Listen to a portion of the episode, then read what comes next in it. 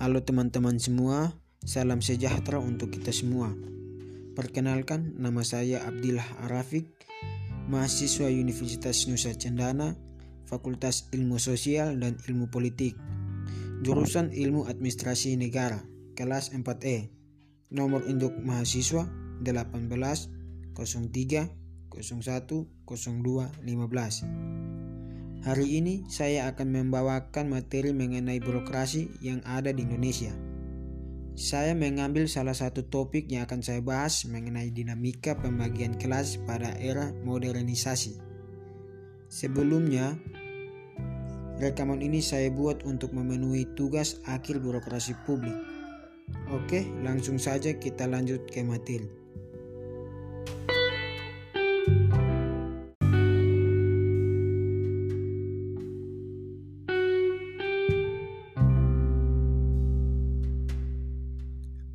Sebelum saya membahas dinamika pembagian kelas di era modernisasi, saya akan menjelaskan terlebih dahulu apa itu birokrasi.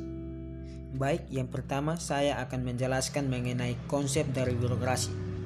Di sini saya mengambil pengertian birokrasi menurut Peter M. Blau, di mana dia mengatakan bahwa birokrasi adalah tipe organisasi yang dirancang untuk menyelesaikan tugas-tugas administratif dalam skala besar dengan cara mengkoordinasi pekerjaan banyak orang secara sistematis. Yang berikut pengertian birokrasi bagi sebagian orang memaknai sebagai prosedur yang terbelit-belit, menyulitkan, dan menjengkelkan. Namun bagi sebagian yang lain birokrasi dipahami dari perspektif yang positif, yakni sebagai upaya untuk mengatur dan mengendalikan perilaku masyarakat agar lebih tertib.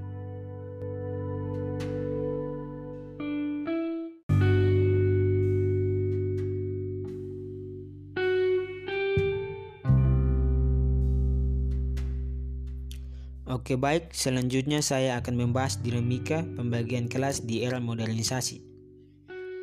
Pembagian kelas pada era modernisasi masih nampak sangat jelas di Indonesia. Pada zaman dahulu, teori kelas merupakan teori yang berdasarkan pada pemikiran bahwa sejarah dari segala bentuk masyarakat dari dulu hingga sekarang adalah sejarah pertikaian antar golongan. Analisa Marx mengemukakan bagaimana hubungan antar manusia dilihat dari hubungan antar posisi masing-masing terhadap sarana-sarana produksi, yaitu dilihat dari usaha yang berbeda dalam memanfaatkan sumber daya yang langka. Menurut Karl Marx, dalam komoditas dan kelas dapat dibagi menjadi dua kelas, yaitu yang pertama kaum kapitalis atau burjuis yang memiliki alat-alat produksi, dan yang kedua kaum buruh atau proletar yang tidak memiliki alat-alat produksi, ruang kerja maupun bahan-bahan produksi.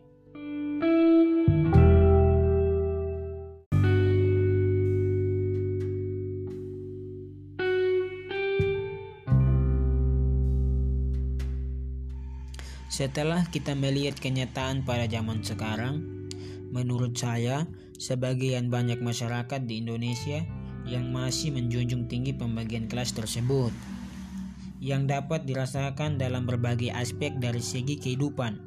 Salah satu contoh yaitu hukum yang ada di negara ini.